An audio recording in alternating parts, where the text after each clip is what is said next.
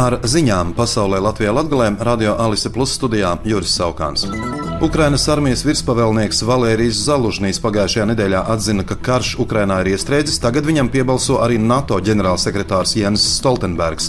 Intervijā ziņu aģentūrai DPA viņš atzina, ka cer uz Ukrainas bruņoto spēku panākumiem, taču brīdināja, ka viegli tas nebūs.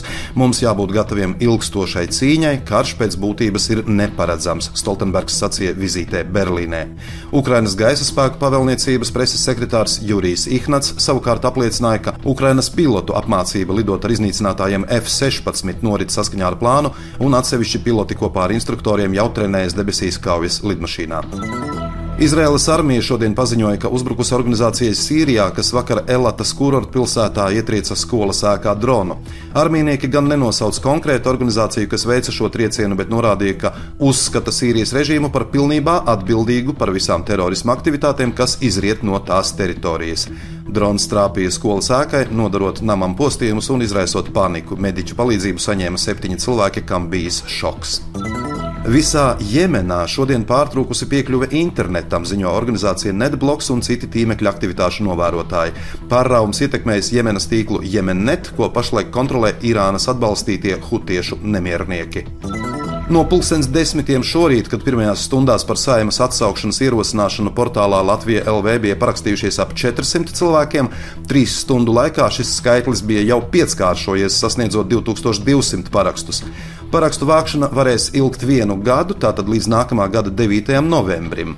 Lai parakstu vākšanu uzskatītu par sekmīgu un rīkotu tautas nobalsošanu, par iniciatīvu jāparakstās vismaz 10% no balss tiesīgajiem iedzīvotājiem, jeb 154,241 Latvijas pilsonim, kas sasniedzis 18 gadu vecumu. 2020. un 2021. gadā līdzīga saimas atsaukšana, ko bija ierosinājusi jaunā saskaņa centra partija un varu Latvijas tautai, Latvijai astoņu mēnešu laikā spēja savākt tikai 28,218 parakstus.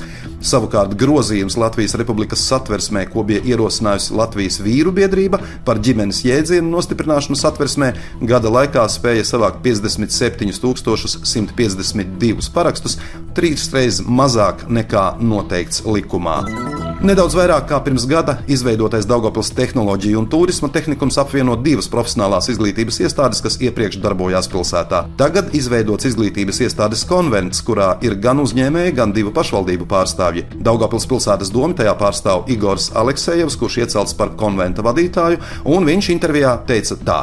Turpinam būvēt tiltus starp Daugopils izglītības iestādēm un Latvijas uzņēmējiem. Kopā ar Daugopils tehnoloģiju un turisma tehnikuma vadību tikāmies ar ēdināšanas nozares pārstāvjiem. Tāpat kā iepriekš, šajā pasākumā galvenais mērķis ir veidot saskaņotu darbu starp tiem, kas nodrošina darba vietas, un tiem, kas gatavo personālu. Tikšanās laikā kopīgi tika risināts jautājums par to, kā pareizi veidot mācību procesu restorānu un viesnīcu biznesā, Vai uzņēmēji gatavi organizēt ekskursijas un rīkot ēnu dienas, kādas prasmes no personāla gaida mūsdienu restorānu un viesnīcu īpašnieki, kurā kursā doties labāk praksē un arī pārējie jautājumi.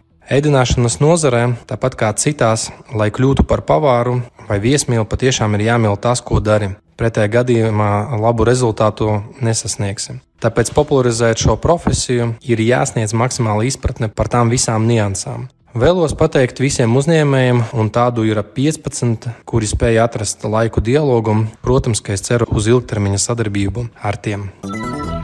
Ar ziņām studijā bija Juris Saukāns par ziņu raidījumu Ziņas bez robežām pasaulē Latvijā Latgalē satura atbildsijā Alise Plus projektu finansē Mediju atbalsta fonds no Latvijas valsts budžeta līdzekļiem.